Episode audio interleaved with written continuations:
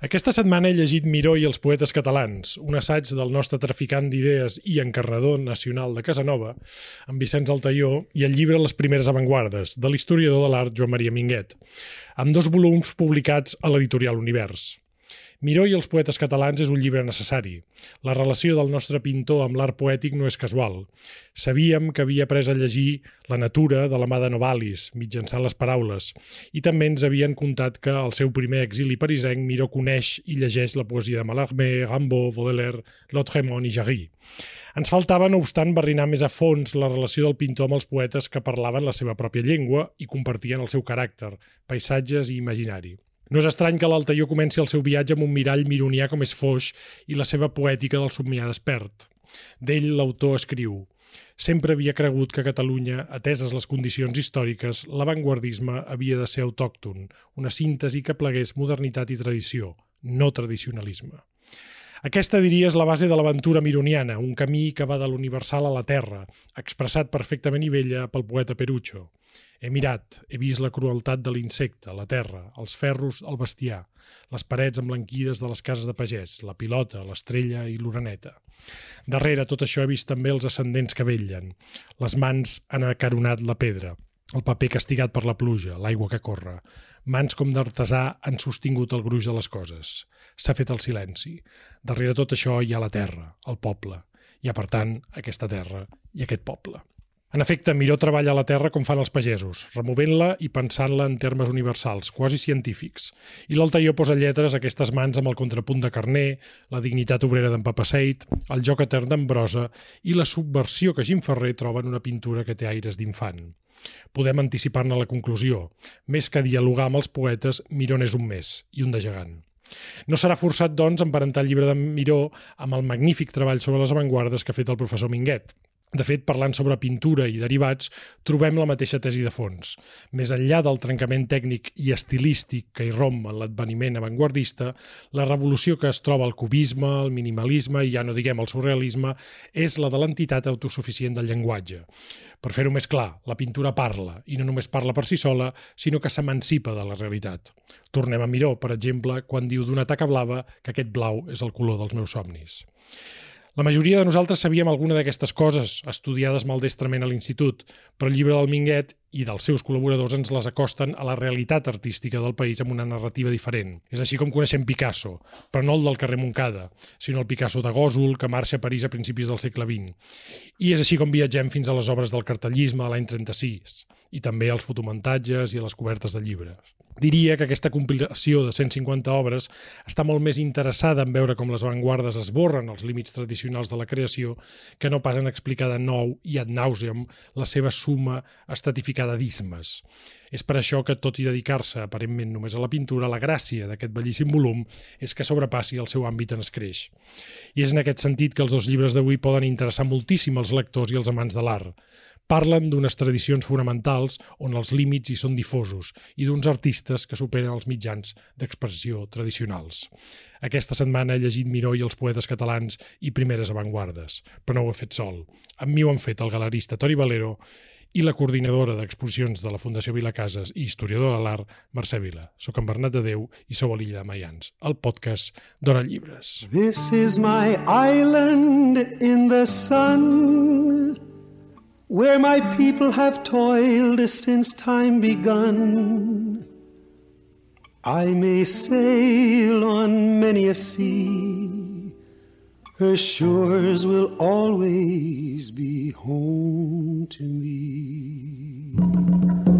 Oh, island in the sun, built to me by my father's hand. All my days I will sing in praise of your forest waters, your shining sun.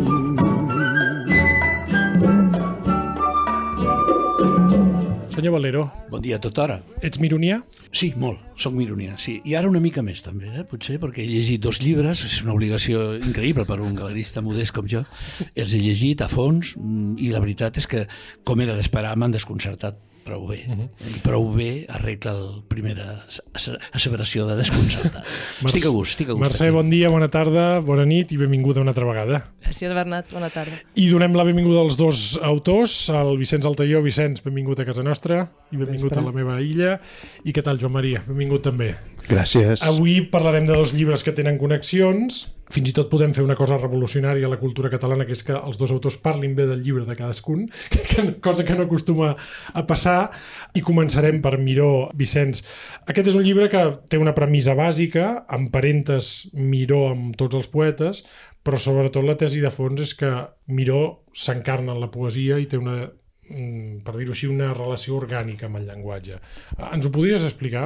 Sí, de fet, eh, ho, ho acabes de dir d'una manera molt sintètica, el poeta és eh, Joan Miró i ell no feia cap distinció entre el que és la poesia dita literària i el que és la poesia visual. Abans s'ha esmentat el que ja sabíem, que Miró era un deixeble també de Novalis, uh -huh.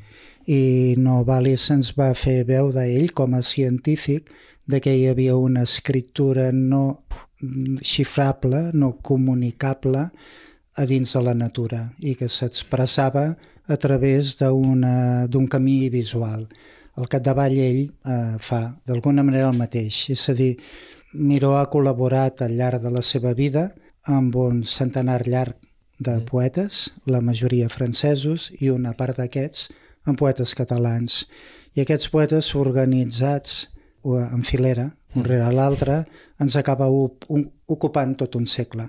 Això vol dir que el llenguatge que Miró practica és individual, és històric i amb mutació permanent. Què és el que ell d'alguna manera ens està fent? Sortir de la, de la crisi de la realitat, que es manifesta en tota la joventut mm. en la Primera Guerra, estripar el retrat de la realitat, desmembrar i ser fundador d'una nova realitat, com fan els poetes. Aquesta idea de fragmentació s'explica en positiu. No és un nihilista, sinó que algú que aporta en positiu una dimensió totalment estètica al comportament ètic que la crisi de la realitat eh, representa per la majoria dels joves artistes de tot el segle. No? T'he escoltat dir que Miró treballava també en, en poesia. En efecte, una de les coses que sabem és, primer, que són els poetes els que el saluden i també els que el classifiquen. Però, en canvi, per a Miró, el fet poètic és un fet físic. Eh? És com anar a ballar, és com practicar la botza, no és aquella poesia, diguem-ne, de, de vessant més idealista. Uh -huh. I ell, quan arribava i sortia de l'estudi, obria i deixava la pàgina del llibre de poemes següent, obria un llibre de poemes. Vol dir que hi ha, eh, això ho hem de tenir molt en compte, però és molt il·lustratiu. Hi ha molts artistes que eh, viuen del paper de diari oi? Uh -huh. de la notícia, de l'esdeveniment, i d'alguna manera poden, intenten de donar mm, mm, resposta a la, a la realitat històrica, a l'esdeveniment, a través d'un comportament visual eh? i de les seves pròpies regles uh -huh. barrejades amb el món. En canvi, en el Miró és bastant curiós perquè la poesia, com ho va ser-ho per als surrealistes, era una política eh? no és únicament una poètica, és també una política. Per d'aquí ve aquesta cosa tan extraordinària que és l'engatjament d'ell i tornar a començar cada vegada de vell nou. Cada generació prova de crear, diguem-ne, un cànon uh -huh. no? diferent de l'anterior.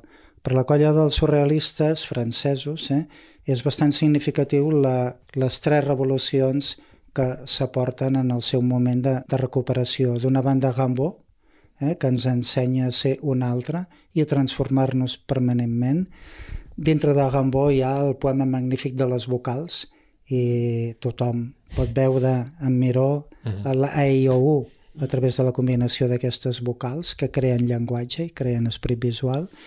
La revolució de l'espai, Miró no només pinta amb un espai bidimensional i en pintura plana, com s'ha dit moltes vegades, sinó que experimenta a través dels propis materials que acaben parlant eh, per ells mateixos. Hi ha la revolució del sentit de l'humor, eh, una cosa com eh, medieval, eh, popular, no? Mm, el joc de paraules eh, que tenen una traducció empírica d'una manera visual. Bé, són d'alguna manera mm, el comportament sinestèsic i romàntic que fa del Miró una aventura molt insòlita i individual portada a l'extrem. Aquesta tertúlia sempre ens surt molt mironiana. Fa dies parlàvem amb en, amb en David Bastuer sobre l'exposició que ha fet justament a la Fundació Miró sobre escultura on hi ha, on hi ha molt de Miró. Clar, estem poc acostumats a llegir llibres de literatura que parlin de pintura i jo suposo que aquesta és la, aquesta és la novetat d'aquest llibre, no, Mercè? Que és, és el primer que, que sorprèn. Acostar-te a la figura de Miró des de la literatura, no? I que també és, és una altra, des de la poesia, concretament. I ja que deies també això de, de David Bastuer, no? A mi em sorprèn el fet que aquesta relació tan orgànica de Miró amb els poetes contemporanis eh, del seu moment, no? durant tota la vida, va treballant al costat de tots ells i sembla que en l'art contemporani actual l'artista ha perdut perdut una mica, no? aquesta connexió amb la poesia, perquè abans es treballava d'una manera en equip no? i que uns enriquien l'obra dels altres, no uns il·lustraven el que feia un altre, sinó que era un treball conjunt, i el que semblava que havíem guanyat en Miró i que quan ho llegeixes dius, ostres, quina, quina meravella, perquè actualment no passa. Les formes de coneixement, com el gènere, o com la tecnologia, va variant eh? constantment. No hi ha cap mena de dubte que la, avui en un procés més aviat de constructiu per part dels artistes o fins i tot d'un tipus d'art de presència més sociològica eh, s'han apartat d'alguna manera del llenguatge poètic que té el mateix engatjament però també té unes regles que li són molt pròpies. No? Jo crec que una de les diferències és que en un moment determinat aquesta generació, la de Miró, i convivia en el camp de l'arquitectura i l'urbanisme, posem per cas l'utopia social de l'arquitectura de la Bauhaus, que era multidisciplinar, però que procurava no, una funcionalitat de caràcter formal. I els poetes venien a ser com el contrapunt d'això, en allà on hi havia ordre, en l'altre cas hi havia com un desordre que ordenava les coses. En canvi, eh, posteriorment, amb la crisi en part del materialisme històric i les noves lectures que s'han fet sobre el materialisme. S'ha anat a parar ben, ben al contrari cap a la teoria del caos, la termodinàmica, etc. I per tant són metodologies actualment més caòtiques que les racionals que s'havien En Joan Maria, alça, alça, alça la mà, pots, pots, sí, pots perquè, posar perquè cullerada. si no, eh? si no alço la mà al Vicenç No, no. s'ho menja tot. No, la pregunta de la Mercè és molt interessant i jo vull apuntar, vull- com que no, suposo que no és el motiu exacte, però jo crec que aquí hi ha una qüestió estrictament política i és que malauradament la cultura ha deixat en l'horitzó una cosa que Miró i tot el seu període tenien molt clar i és que la cultura és un bé comú. I ara en canvi tothom fa un campi qui pugui eh? els poetes van a la seva els artistes visuals van a la seva i si han de coincidir, coincideixen. Però no, no és el mateix el mateix esperit que hi havia això que sembla com una crítica molt forta cap als meus col·legues, i que ho és, té una explicació i és que estem en l'època de l'homo videns que diu Sartori, no? Mm. La visualitat s'ha menjat en bona part al camp literari i en això la feina és, diguem, escriure llibres i catapultar el valor del llenguatge literari que jugui també amb, el, amb els altres llenguatges com feien tota la generació de les primeres i les segones avantguardes, eh? perquè això jo diria que és un, un fenomen més o menys recent, aquest que tu apuntaves, Mercè. Jo crec que és interessant es- escoltar el Toni justament per, per aquesta voluntat d'incidència social que tenia en Miró, perquè a diferència de la Mercè o, o de- d'un servidor que hi hem vist a Miró com un clàssic, és a dir, nosaltres no hem viscut Miró, o érem molt joves quan Miró exercia, tu l'has vist exercint, és a dir, Mi- Miró, sí, sí. Miró té poc, una... Poc, eh? però l'he vist, l'he vist, sí. El taller de litografia. Aquesta, aquesta incidència social que deia el, el, el Vicenç de l'art mironià, que el relaciona directament amb alguns dels poetes, ara ara anirem eh, per, Sí, eh, esteu, esteu poeta un, per poeta. Esteu és, un nivell que un simple historiador de l'art el supera, eh? Sou forts, sou forts. Jo, jo, volia, jo he vingut aquí a parlar dels vostres llibres, no a fer teoria, agafant la frase clàssica, no? Miró les poques vegades que he coincidit i d'una manera completament supletòria, jo era prescindible del tot, però naturalment estava molt atent al fenomen, perquè Miró a un taller també era un gran espectacle. Un home silenciós, que pràcticament eh, parlava poc però que feia amb una perfecció absoluta el seu treball. I a més a més una altra característica que conec de pocs artistes, quan es parla d'obres gràfica, de taller de gravar litografia, hi ha pocs artistes que sàpiguen com acabarà. En Miró sí. En Miró sabia com acabar, tenia el poema al cap. I aleshores aquells materials aspres, durs, el coure, les tintes, no se li feia gens estrany. Així que l'experiència molt positiva, jo ni tan sols podia intuir el que hi havia dintre d'en Miró, estic parlant de no massa abans de morir, és a dir, que parlo de una cosa entranyable, estava fent una litografia per un hostal que hi havia al carrer Consell de Cent, eh, el recordeu perfectament, i aleshores eh, amb un carinyo, amb una, amb una tendresa especial. -huh. Poesia també, com estàvem parlant abans. I parlant dels llibres, sí, jo ara sí. baixo el nivell.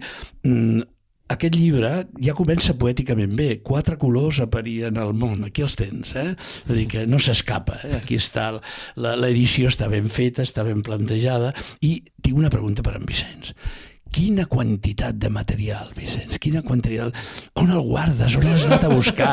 Has anat, de Son, has anat a Son Abrines, has, has buidat les biblioteques, t'has passat dia i nit a la Fundació Miró. Però és un material realment increïble que jo crec que fins i tot parcialment, i amb això podria fins i tot ser negativa la meva pregunta, molt d'ell estava elaborat, escrit, com tu molt bé dius al capítol d'agraïments, però juntar tot això i fer un llibre és admirable. Eh? Eh, és per dir que el llibre aquest, en realitat, per algú que té tendència més aviat cap a l'especulació i la, una certa fosquedat, no? per eh, tant en quant no sap allò que vol dir, busca mentre està eh, fent, no? contràriament al que dius del Miró que dius tu. Mm. En aquest llibre el que hi ha és que hi ha una escritura en primera persona però amb un plural. Sí? És a dir, jo com a poeta tinc l'avantatge de poder dir que la poesia contemporània és molt propera, tota ella, a la manera com Miró escriu. Mm -hmm. Mm? No com pinta, sinó com escriu pintant. Mm. I això, clar, és, diguem-ne, eh, és vist des de dins. L'altre és que aquest llibre és el resultat, eh, no pas d'un interès primer, sinó molt tardà, perquè eh, generacionalment procuràvem, tots nosaltres, de fer aparèixer la nostra generació i per tant tenia molt més interès de parlar, com qui diu, del Pere Jaume, fins i tot el Plensa, de la Llopissa i de tants altres, que no del Miró. Però, mm, com qui diu, mig per encàrrec de la gent de la Fundació Miró, vaig fer el centenari i amb motiu del centenari a Montroig estant amb el biògraf del Miró, aquest em va dir, em va dir d'una manera molt neta, Diu, per entendre Miró, diu, s'hauria de mirar de quina manera els pagesos catalans uh -huh. treballen la, la, terra, la terra i, per, i com els poetes catalans treballen la idea de l'universal. I per tant estava girant allò que és habitualment. I me'n vaig adonar que aquesta tesi s'havia d'evidenciar. Al llarg d'aquests anys eh, he pogut treballar amb molta gent, dirigint a vegades, si no fent recerca directa, projectes al voltant d'aquests poetes, des d'en Foix, eh, per entendre'ns, uh mhm. -huh. amb en Perucho, amb comissaris, coordinadors molt heterogenis. I aquest llibre, al capdavall, per tant, és tornar a posar en comú allò que entre tots hem treballat i enfortir-ho, d'alguna manera, amb una tesi particular, que és que cada poeta és diferent i la seva relació amb Miró és també molt diferent. En el cas de Miquel Martí Pol, es converteix en una novel·la negra, no? Clar, és un llibre d'afinitats, per, per qui no, encara no, no el tingui a les mans, que recomanem que viatgeu cap a on i el compreu i compreu els dos llibres. És un llibre que funciona per afinitats, és a dir, cada poeta, clar, ho deies ara, són caràcters poètics molt diferents, amb Carné més aviat hi ha un contrapunt, perquè Carné ve d'un món més aviat que més noucentista que modern o avantguardista, digue-li com vulguis. Amb Papa Seid hi ha una afinitat més aviat visceral, diria jo, d'acord i per això comences amb, amb ell. Jo diria que per això la, la persona capdalt és en Foix. Per això que deies una mica de l'universal, no? del, de l'imaginari dels somnis, de la idea del color, de la idea de l'inconscient. Foix és... Més que una afinitat, és una crossa. Sí, però pensa que quan vaig anar per primera vegada a veure en Foix, amb 17 anys, a la porta, caram Foix hi veies en el lloc en el qual treballava, el Miró, l'Ubiols uh -huh. i el Dalí. Ell se m'acostava, no que hem de llegir i es tapava la boca per no ser visible, que ningú el veiés, si érem sols, i deia llegeixi Dalí, llegeixi Dalí. De tal manera que és interessant perquè d'alguna manera hem llegit alguns Dalí d'una manera subversiva. Eh? I això ens ha anat molt bé perquè hem pogut llegir un Miró com investigador i un renovador permanent, mai amb un codi estilístic tancat, i hem fet també una operació de lectura nova de l'obra de Dalí. Aquesta col·lecció, el Minguet deia, la, hem fet la presentació de l'univers, mm -hmm. diu és important perquè surt del cànon que hi ha fins ara i jo crec que en efecte aquests dos llibres sí, sí, sí, hi ha un, hi ha un diu, canvi de narrativa hi ha un canvi de manera de posicionar-nos respecte a la generació, no cal dir-ho anteriors no? hi ha una idea també interessant quan es parla de, de Miró com a això que deies de la terra, no? Jo crec que els poetes expliciten des de maneres molt diferents aquesta relació. Per això abans parlava de, de Miró com un clàssic també, no? Aquesta relació científica amb la terra. Això es veu a través de la poesia, és a dir, la, la, la poesia també és una guia visual per veure aquest Miró, sí. el Miró, per entendre's, de la Masia, que tots vam descobrir la Fundació sí. quan érem petits a la nostra primera visita escolar, no? La poesia ajuda a la pedra aquesta de la qual parla el Perucho, no? Sí, la pedra, en efecte, i hem parlat també també en Pere Gimferrer, no? Uh -huh. Perquè, clar, jo crec que en el cas del Miró hi ha una cosa molt atractiva que és la idea del pergamí, oi? I la idea d'una pintura bidimensional o amb un full, que és aquest eh, pergamí que ens posa en relació amb l'univers, no? Que és un univers en expansió i en violència, no pas estàtic, que no és un cromo, oi? sinó en moviment. Sí, no és una figura plana. No és una figura plana, no? tot i que ell pinta d'una manera plana, oi? Amb, donant volum, amb una tècnica realment eh, nova i molt original. De la relació amb els poetes, jo, si vols, una de les coses que més em van resultar emotives és el moment que estan a la biblioteca de Palma, de la Fundació a Palma, vaig poder eh, llegir el manuscrit que el Josep Carné li envien al Miró excusant-se de no assistir a la mhm. inauguració de l'exposició a la tenia galeria. Feina, ho dius. Sí, sí, això. El, príncep, el príncep tenia feina. Ah, i, I això és molt, eh, és molt important perquè en el moment que faig, per exemple, el retrat de Carné, no d'una manera innocent, el dibuixo anant a recollir el Premi dels Jocs Florals, és el poeta sí, sí. més llorejat de tot Catalunya. Mentre que, en canvi, el Miró surt pintat en el retrat amb la camisa vermella, oi? Eh, de la revolta eh, política evident amb una cara cesaniana, però ja hi ha mm. aquesta intenció. Llavors, en el pleit que moltes vegades se n'hem parlant entre noucentisme i avantguarda, és molt interessant com, sent tots dos representants del símbol, del símbol de Catalunya en l'exili, eh, al costat de Pau Casals, el Carné, després de tota la gran operació de construcció eh, d'una mm, cultura catalana o d'una Catalunya, fins i tot políticament sí, sí. burgesa, il·lustrada, eh, cosmopolita i esnob, s'ha de rendir davant d'un que ha renunciat a la revolució industrial, que se n'ha anat al camp, que el camp és la traducció de la recerca de la veritat i el lloc de l'expressió. Això és realment ah, extraordinari. Has, has posat un tema que ens serveix perfectament per, per parlar també del llibre del Joan Maria, perquè parlàveu de, de que la importància d'aquests dos llibres no només rauen els noms i en les coses que s'hi veuen i se'l gaudeixen, sinó en la, la narrativa, jo diria el focus. No? Parlaves de noucentisme.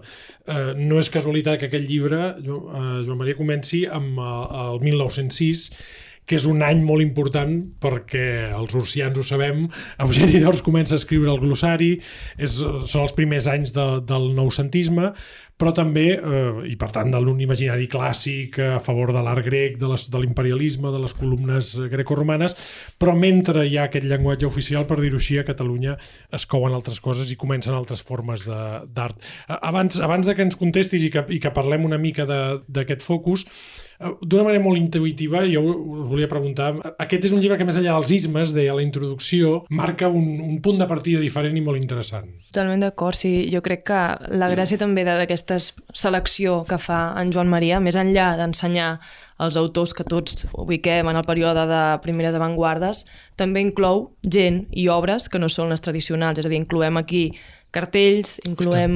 No? Sí, sí, sí. Portades aquest... de llibres, meravelloses.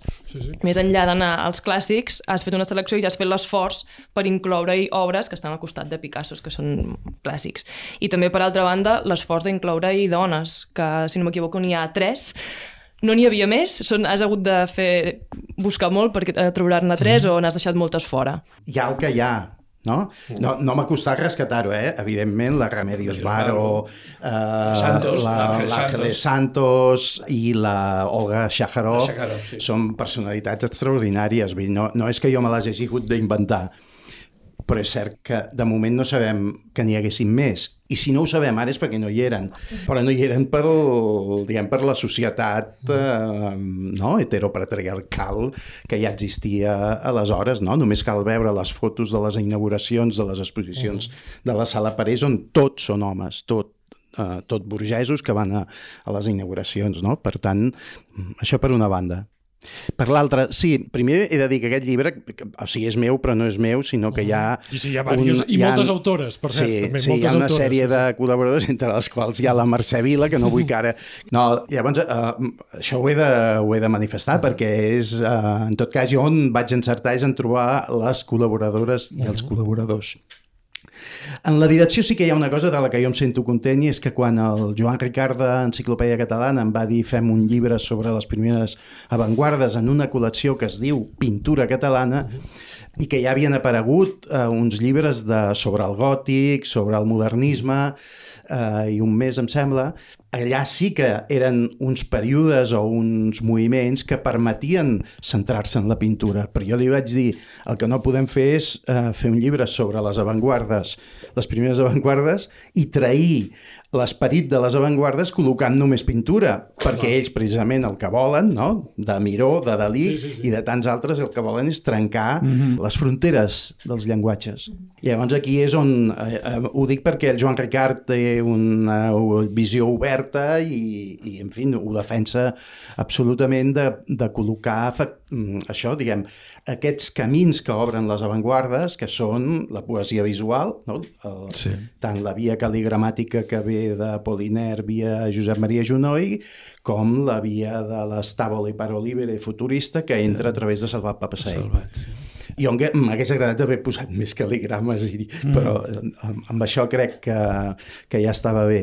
I també doncs, el manifest groc. Jo entenia que, que l'any 28 no hi ha res més eh, que expliqui la voluntat de ruptura que no una pintura sinó un manifest, mm. que és el gran manifest de les avantguardes i, que, i la prova és que encara avui dia quan algú vol fer un manifest en la nostra contemporaneitat sí. fa aquesta cosa tan tonta que és copiar-lo. I llavors hi ha una altra cosa de, de la que dèieu que, que sí que també m'interessa assenyalar, que és jo, òbviament, per edat i per el meu ofici a la universitat, eh, etc. Um, aquest llibre no neix de zero, sinó que neix de tots els precedents que jo he llegit, que he mamat i que de vegades eh, en textos anteriors jo havia, diguem, duplicat, no? Mm, amb el meu estil, però havia duplicat. Però sí que arriba un moment en què veig que, que això no pot continuar així perquè hi ha una sèrie de tòpics, de debats que no se sustenten. Mm. Primer, parlem sempre de noucentisme i el noucentisme al qual tu, tu et referies abans amb aquestes idees bàsiques del noucentisme no té aplicació visual. Mm -hmm. O sigui, eh, Sí, sí. Ors es va equivocar. No va saber com definir quina visualitat eh, noucentista. Sí, sí. I el primer que, que diu artista noucentista és Ismael Smith, que era un homosexual, mm -hmm. o sigui, atrabiliari, i que el que feia no tenia res a veure amb el seny i, i, i... Després anomena Torres Garcia, que ràpidament, com aquí demostrem, se'n va de la pintura grega per acomodar-se a la veritable, jo, jo, jo apunto a la veritable pintura noucentista, que és la pintura de la ciutat, perquè Ors està fent un, un, diguem, no? un elogi de la ciutat i en canvi la pintura se'n va al món rural.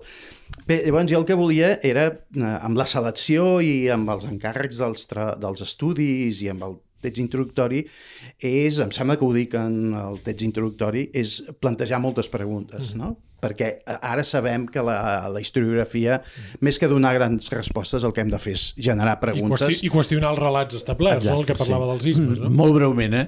eh? Felicito pel pròleg, sincerament. He passat per la facultat i, i llegint el teu pròleg he tornat entendre coses. És curiós.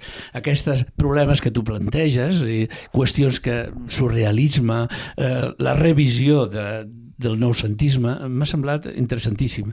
I a més a més és de molt fàcil lectura, recomanable de tot. Dic de fàcil lectura perquè està ben estructurat i sincerament i no me'n puc estar de dir-t'ho. Després també dir-te que, clar, ets un expert en la matèria, perquè ja et vaig trobar a les avantguardes catalanes treballant amb en, amb en Corredor Mateos i amb un Giral Miracle, vull dir que... Això, això vol dir que tinc una edat que no... Sí, bueno, però, que la però, tenim tots. Eh? Però vol, sí. dir, vol dir que ara entres sense cap mena de problema a posar els cartells d'en Fonseré o de l'Helio Gómez, que són vitals, perquè estem parlant d'entrades de cultura amb temps de conflicte, és a dir, que eh, tota la propaganda soviètica, que és un tema que avui és molt actual, en certa manera, eh, va arribar al cartellisme català, al cartellisme de les avantguardes, i va fer una funció a la Guerra Civil que no se t'escapa. Mm, no vull estendre'm més, però realment he après. Eh, el tema de les fitxes també m'ha interessat molt, perquè cada fitxa és un petit tesor. Com aprendre a llegir fàcilment art, diria jo, amb, aquesta, amb aquest aquest curset, perquè mirar una peça, eh, mirar la imatge que té i llegir el comentari és... De... és de... Bé, alguns són deliciosos, eh, cal dir-ho. Eh, són peces, peces de literatura. Deixeu-me eh? dir en, sí, sí. en, en favor de, de, de, sí, sí, tots, de les de col·laboradores. Tots, de sobre, col·laboradores i, i, bueno, i sobretot, bàsicament, gent jove, no? Vull dir que, a part del Casamartina, que, que hi havia uns autors del que ell en sabia molt, són gent jove amb la qual jo tenia molta confiança d'una cosa que costa molt. Jo sóc ja començo a tenir tanta edat que vaig ser alumne de l'Alexandre Cirici. Uh, I Pellicer. Sí, sí, poc alumne perquè anava a poca classe i perquè les seves classes eren menys, fan, menys interessant que els seus, que els seus passejos. Que la, que la gent es pensa però, bueno, un, un personatge, eh? Sí. Però sí que tenia uh, idees uh, molt maques. Una de les quals era, hi ha molts col·legues d'aquest departament, i, i generalitzava, que parlen molt literatura, però que quan es troben davant d'una obra no saben què dir-ne. I crec que un dels encerts d'aquest llibre, i això no és mèrit meu, eh, sinó dels col·laboradors, és que costa eh, trobar-se davant d'una imatge i haver de fer el procés aquell que Diderot deia ja en el segle XVIII, que costava molt, que és trobar les paraules per parlar d'un llenguatge que és diferent al de la literari. Hi ha un text, per exemple, de la, de la Jessica Jacques en aquest retrat preciós de Picasso que inicia la, la, la selecció del retrat del Josep Fundavila i va, va dient, diu, així, a més d'enfatitzar els contorns, algunes parts del rostre se signifiquen de tal manera que prenen valor per elles mateixes. Es tracta de la ilació de la cella i el nas, de les línies que emmarquen la boca, dels pòmuls i de la continuïtat amb el front i de la forma dels ulls. Va ser a partir d'aquests estereotips que Picasso establí la màscara que va resoldre el retrat de Gertrude Stein, que havia quedat inacabat abans a Gòsol i que en tornar l'artista resolgué simplement invertint en un eix de simetria vertical la màscara de Fondavila. Amb aquest gest d'inversió, Picasso va revolucionar no només el gènere del retrat, sinó la naturalesa de l'art. Aquest ja no s'havia de semblar a la realitat, sinó a l'inrevés. Com va dir el qui aleshores era un jove pintor, Stein acabaria assemblant-se al seu retrat. Tornem novament a Miró, no? És, és preciós, que realment són textos literàriament treballadíssims, no? A mi m'ha sí. sobtat perquè els llibres d'art, a vegades, deixem-ho deixem dir, són, són una mica cunyàs, diguéssim. Aquest és un llibre viciós. Jo confesso que passava fitxes i em passaven hores. Jo penso que les he llegit totes. Confesso que potser no a fons, però és viciós, eh? realment. Recomanable. I la dificultat també, com a, amb els que hem col·laborat, jo he fet poca, una part petitona, però estem més acostumats a interpretar i a, i a fer judicis de diferents obres i relacionar-les amb d'altres que no a fer una descripció formal de, de la peça, no? I a reconèixer que no és senzill i aquí combina molt bé, perquè cada text és breu i ens va explicant d'una manera fàcilment digerible cadascuna de les peces, però sobretot la, aquesta introducció, no? que ho engloba tot i entens a, aquest pack de primeres avantguardes d'una manera, crec jo, molt no, interessant. No podem explicar-les totes, ja ens agradaria, no. però sí que m'agradaria que ens diguessis, Jo Maria, quina particularitat hi ha en l'art, és a dir, en l'avantguarda vista des de Catalunya, des d'aquestes obres, que no trobem en altres fenòmens europeus, perquè aquesta és la gràcia, no? El, el, ja des de començar, amb el Picasso de Gòsol, no? Perquè, clar, nosaltres hem après les avantguardes sobretot a la francesa i des del relat que ens han explicat els americans a través dels seus museus. Aquí hi ha una cosa diferent. Ara explicaré intimitats, no? Uh, clar, quan t'encarreguen un llibre d'aquest i a una certa edat i, i que tu mateix et reinventes, et revises allò que havies escrit, hi han algunes intencions eh, que no sé si són molt explícites o queden implícites. Una d'elles és que va, Picasso i Miró durant molts anys Picasso sobretot, eh? Miró va ser una mica... Però Picasso, jo això he vist al MoMA i al Pompidou dir entre francès ni a l'Espany. Cosa... I, I Miró també, eh? Al MoMA jo també ho he vist, eh? Sí, sí. Uh, té una certa lògica, perquè és veritat que des del punt de vista Clar, comercial, clar. No? els galeristes que el van catapultar a un i a l'altre, doncs eh, eren a través de França. Però això és mentida. I en aquest cas, els treballs de la Jessica Jacques, que ja té, que per això a part de ser amiga, ella ja ha fet un llibre sobre el Picasso de Gòsol extraordinari i que ha tingut molt poc ressò en la, en la historiografia mundial. Per què? Perquè els agrada més pensar que Picasso va crear el cubisme Clar. a França. Sí, perquè els hi justifica la seva tria d'obres i els seus comissariats. I, clar, i, els seus... I resulta que, que no, que ha... No, no aquí per fer un nacionalisme barato, eh? No per dir, no, no, és que si no hagués anat a Gòsol... És nostre. No, Sí, no per dir és nostre. ho hagués resolt de, de qualsevol altra manera. Però hi ha, hi ha alguns punts d'aquests. En quant a la pregunta que fas, home, la, la nostra avantguarda és una avantguarda tributària. És lògic, Catalunya és, eh, és una perifèria eh, cultural en aquells moments i, per tant, el que, el que vas rastrejant és que hi ha persones que ja estan bé amb el que tenen i amb la pròpia tradició. Uh -huh. El cas més emblemàtic és Sunyer, que l'any 6 veu la gran exposició de Cézanne, eh, un cop mort, una gran exposició de Cézanne, que Picasso la veu i és un dels punts que li generen tot el canvi pictòric que planteja, i en canvi Sunyer ve aquí, i és veritat que quan fa el seu paisatgisme és un paisatge cesanià i és un, és un mm -hmm. punt de canvi, però no de ruptura. I en canvi hi ha artistes que sí que estan, estan olorant tot el que passa. El cas més evident és Salvat Papaseit, que quan arriba aquí Barrades del seu periple París-Florència, es queda meravellat i se'n va a Florència i, i l'avantguarda catalana és perifèrica. Mm. Uh, això ho hem de reconèixer. La prova és que quan Miró, és a dir, el Miró de l'any 18 és anunciat per, per Foix amb aquella frase uh, Miró és dels nostres. Sí. Sobre això jo, jo hi, uh, hi he treballat molt perquè jo crec que quan Foix a la revista Trossos diu Miró és dels nostres, no està dient que Miró sigui avantguardista, sinó que Miró és la promesa que servirà per renovar el noucentisme.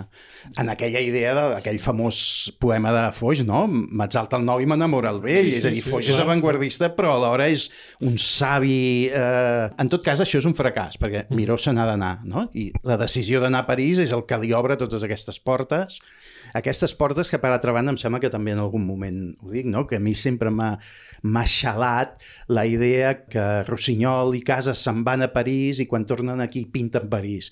I Miró se'n va a París per pintar Tarragona.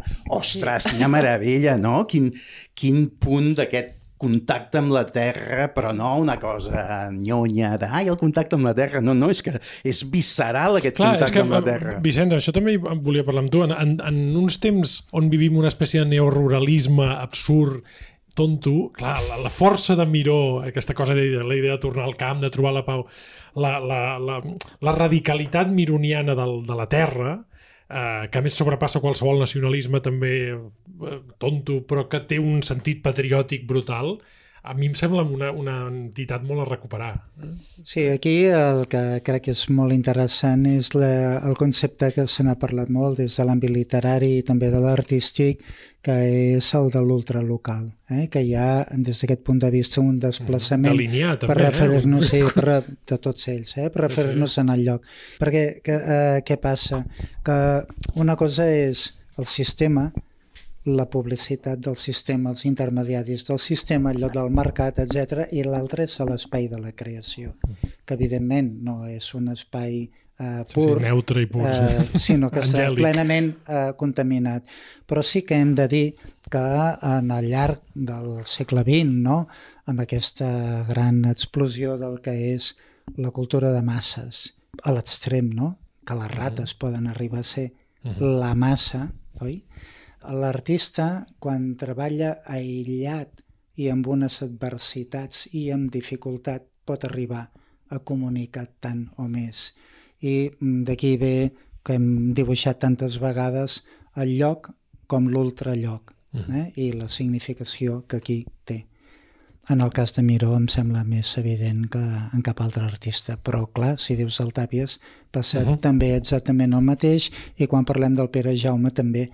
En tot cas, hi sol haver-hi, per la banda contrària, una lectura equívoca que converteixen aquest fet en un fet eh, de ruralitat. I tradicionalisme. I tradicionalista. Eh? Que, que, que I en canvi passa al contrari, d'aquí ve l'explosió i l'originalitat d'una part dels artistes catalans que s'han fet grans fora de la condició natural i en condició d'exili, tots ells. Torno al teu llibre, Vicenç, Miró i els poetes catalans. Eh, és un llibre subsidiari de l'altra edició? És a dir, és un, d'alguna manera es pot entendre i penso que valia la pena que ho aclarissis perquè la gent coneix, coneixem les dues. Bé, quan eh, l'enciclopèdia catalana em va demanar, eh, sortint del Santa Mònica del Cartú, de fer un llibre sobre Miró, eh, en pàgina en blanc, què t'agradaria fer o què creus que s'hauria de fer. Havia sortit ja altres, no? el del Picasso, Dalí. Ho vaig veure clar, quedava pendent de les moltes coses que s'han escrit i estudiat eh, sobre Miró, que és enorme, la bibliografia que té, quedava pendent aquesta pàgina eh, creia que eh, en sintonia fins i tot en el procés d'interpel·lació col·lectiva pròpia que estàvem vivint, valia la pena de demanar-nos sobre eh, el llenguatge visual de Miró entès també com un llenguatge literari però també com un llenguatge de catalanitat política i d'adscripció política mm. perquè és cert el que ens ha explicat el professor Minguet fa un moment referit gràcies, gràcies. a les... Doctor. I pagès, professor i pagès. referit en el seu moment a l'escola eh, parisina no? i la influència d'aquesta. I en remeto de nou en aquella interpel·lació que ens feia Foix en el seu moment i que ja l'havia escrita anys abans, no? que deia, diu, cada cultura té allò que li és propi. Diu, la sobrecàrrega de memòria en l'art italià derivarà un art revolucionari que és el futurisme. La sobrecàrrega d'apreciació estètica eh, deia ell, eh, des del punt de vista nacional, la cultura francesa, diu, evidentment donarà aquesta estètica del, del cervell, oi? i que serà el cubisme. Diu, i els alemanys, no? l'expressió eh, de l'ésser metafísic, no? donarà l'expressionisme. Diu, i els catalans què? Eh? Es pregunta, i, bé, eh, jo evidentment no volia fer una tesi en absolut eh, eh, nacionalista, ben lluny d'això, però sí que eh, tenia molt interès en fer veure aquesta clara adscripció del Miró que com a subjecte de vida, no? en el seu moment els seus pares, el seu pare, no? que tenia una botiga aquí al carrer Ferran, uh -huh. doncs eh, eh, quan hi va haver-hi el tancament de caixa va entrar la Guàrdia Civil i, els, i li van prendre els rellotges que tenien en l'aparador per cobrar els impostos. Doncs és segur que aquest nen era un nen ferit també uh -huh. per una manera d'actuar de pensament reaccionari de forces públiques de caràcter repressiu. Bé, tot això poder-ho explicar com a substrat era interessant. Fora de l'hist això és la història. El llibre, al capdavall, doncs, el que pretenia era fer una mena de catàleg raonat, científic, sobre les imatges que el Miró havia fet al costat dels poetes, funcionant sol. Després vaig veure que el llibre d'estudi no havia de ser un llibre més. Era una oportunitat per tancar eh, la curiositat col·lectiva i personal al voltant del tema de la relació entre Miró com a fet cultural en relació a la, allò que és una cultura filològica. Mm-hmm. Eh? Perquè és molt diferent, la cultura mm-hmm. filològica i l'artística no tenen res que veure, o tenen molt que veure, tenen vasos comunicants però actuen de manera diferent. Per exemple, no es pot entendre brosses si no saps entendre que part del seu mecanisme està posat en el sistema artístic, no en el sistema literari.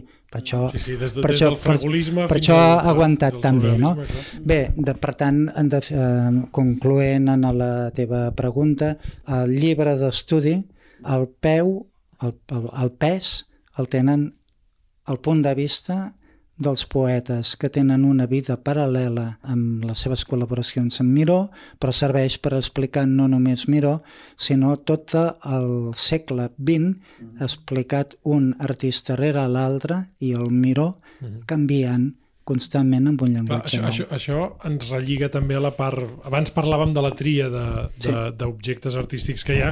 Això ens porta, abans deia, no es pot sorprendre que en una antologia avantguardista hi hagin eh, exemples de cartells, mm. exemples de, de portades de llibres. Jo crec que això té sentit amb el que ara deia el Vicenç, no? que hi ha formes artístiques que consideràvem alienes al món gran de la pintura que també formen part del món de l'engager, de, de, de l'avantguardisme, i que té cert, és lògic aquest trànsit que, del qual Vicenç parlava del primer ruralisme picassiat o mironià a, a la, vaja, a la, a la crisi del 36, és a dir, que acabis el llibre amb el 36 tampoc no és casualitat, no?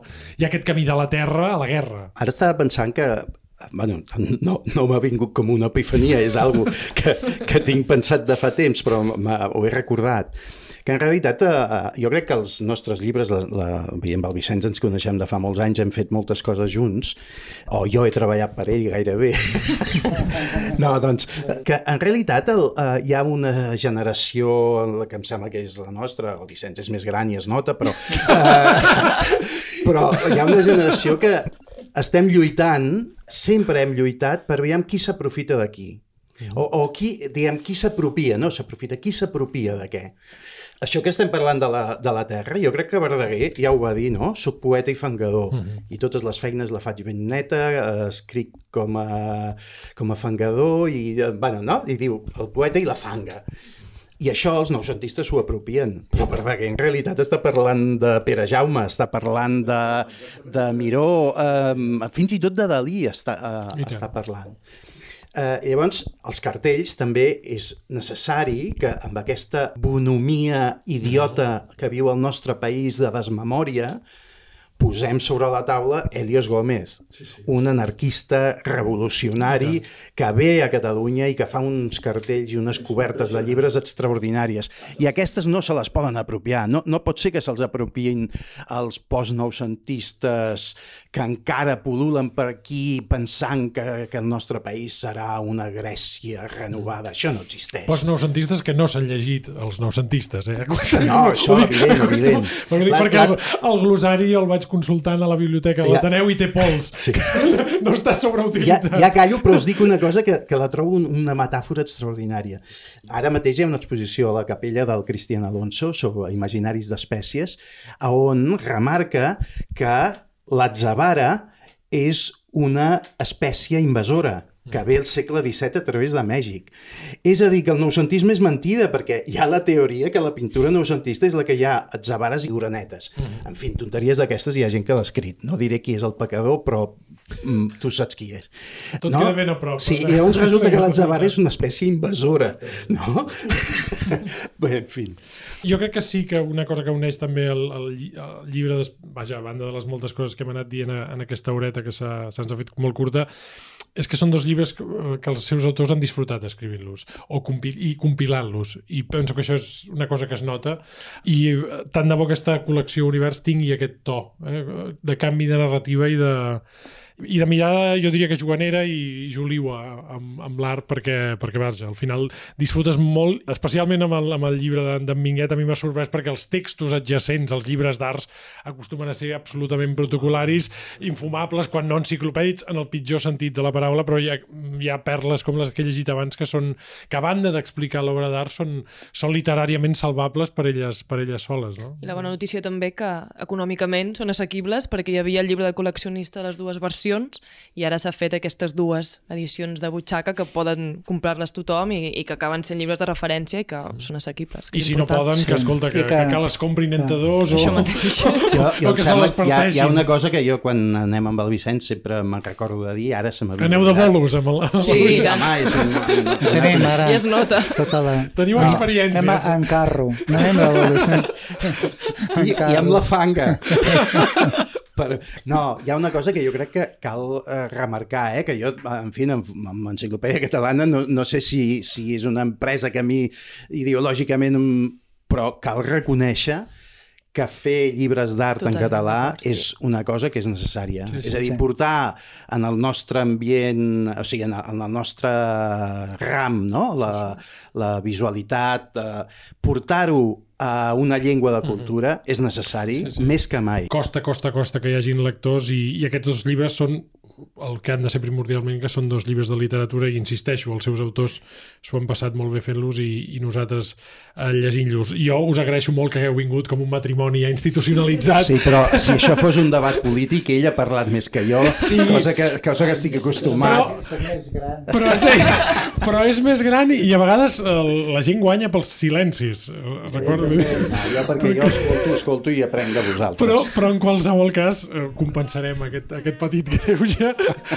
compensarem aquest petit d'al- d'alguna manera tornant a convidar. Molt bé. En Maria i el Vicenç tornarà per, perquè a més vaja, pots venir a parlar de política de, ai, de política no, parla- de poesia, de política no, que també, de poesia i de moltes coses.